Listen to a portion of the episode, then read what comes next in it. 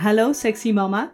En nu jij. Kiki, jij bent hem. In deze extra kun jij lekker zelf aan de slag. Als je geen zin hebt om de hele aflevering te horen, geef ik je in een paar minuutjes de handvatten, tips en valkuilen om het zelf te ervaren. Lekker praktisch.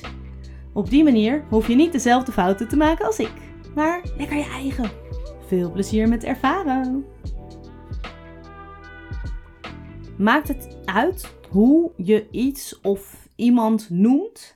Ja, woorden doen ertoe. Woorden zijn psychologie. Daarom maakte ik een podcast over waarom ik mijn Joni het liefst Joni noem. En in deze extra wil ik jou uitnodigen om je eigen taalgebruik even te checken. Wat voelt goed? Een bijnaam voor je Joni?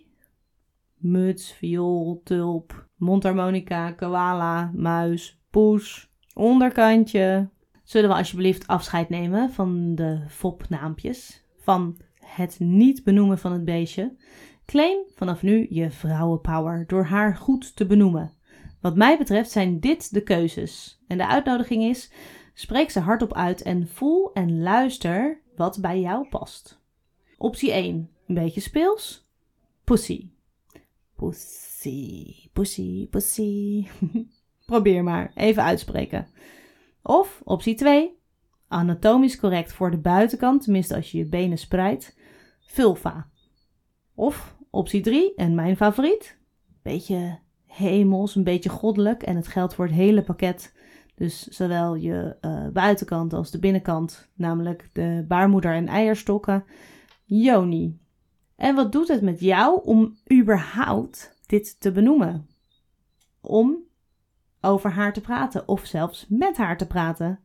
Hallo Pussy, hallo Vulva, hallo Joni. Nou, en dan wil ik je vragen om ook de volgende termen te heroverwegen.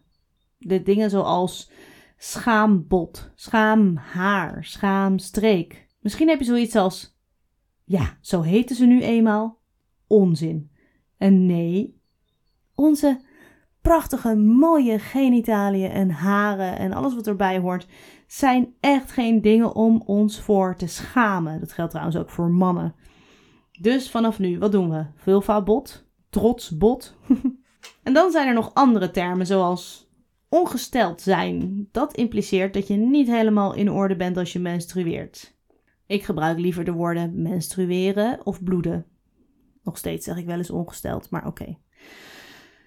Of dingen, oh, gewoon andere dingen. Het heeft niet zoveel met seks te maken misschien, of wel. Maar dingen die moeten.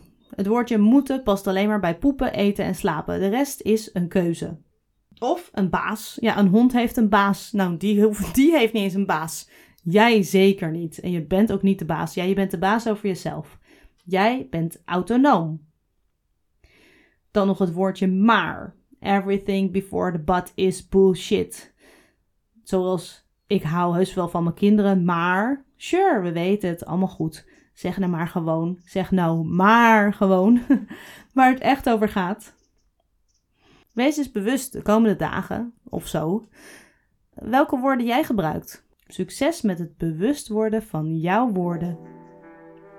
Doei doei! Nou, ik ben benieuwd wat dit met je doet. Laat je het me weten. Abonneer je op de podcast of klik op volgen. En reageer gewoon op je eigen manier via dit platform, op Instagram of door te mailen naar hallo Vind ik super leuk. Oh ja, en als je mijn ongecensureerde verhaal met wat extra informatie ook wilt horen, en dat wil je, luister dan ook vooral naar de podcastaflevering die bij deze extra hoort.